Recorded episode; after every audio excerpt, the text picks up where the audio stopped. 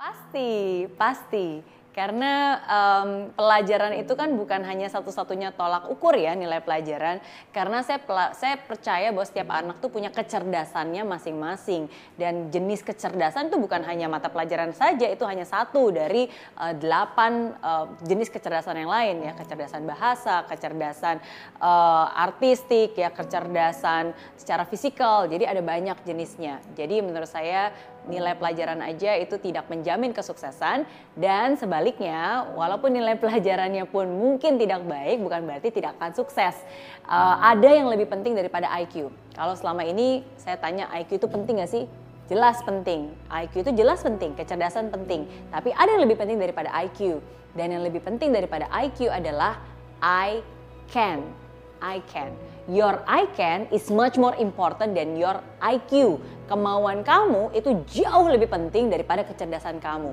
Buat apa jadi orang paling pinter? Tapi kalau dikit-dikit nggak mau, disuruh kerja nggak mau, suruh belajar nggak mau, suruh ini nggak mau, suruh itu nggak mau, nggak akan ada gunanya.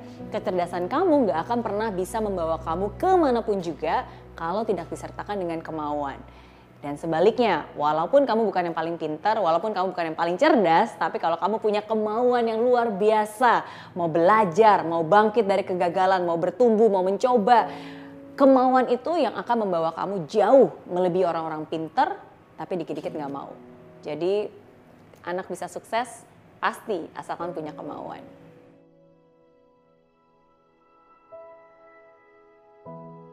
Iya, dari sejak sekarang.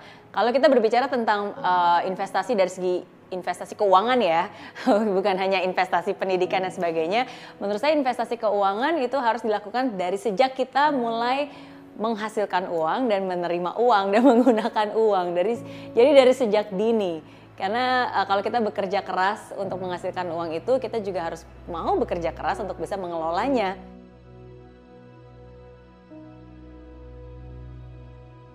Lebih baik nggak punya utang.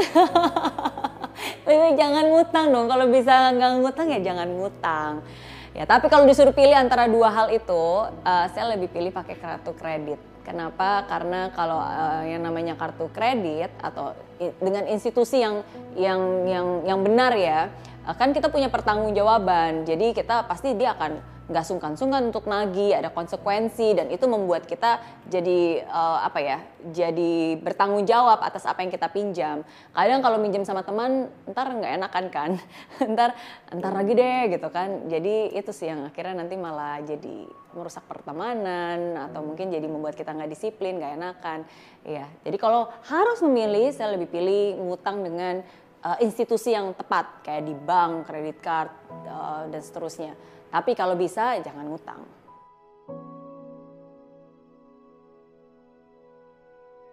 Gaji itu penting, tapi yang lebih penting lagi adalah pembelajarannya.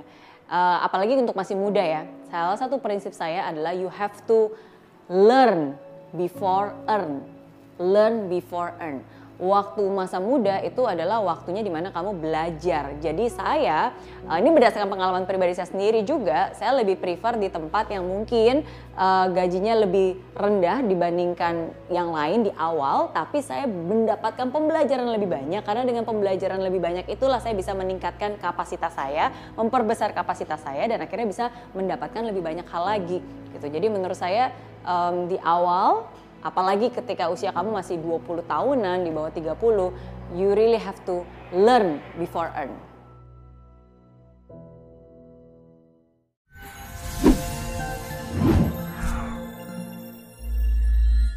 Di aplikasi Mary Riana tersedia lengkap video-video YouTube terbaru saya, artikel yang up to date, post inspirasi, koleksi merchandise, workshop dan seminar yang bisa kamu dapatkan free dan download sekarang juga gratis.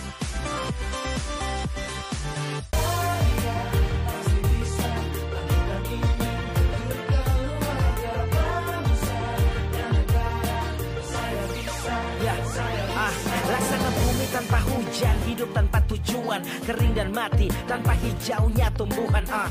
Demikian kalau mimpi tak kunjung terjadi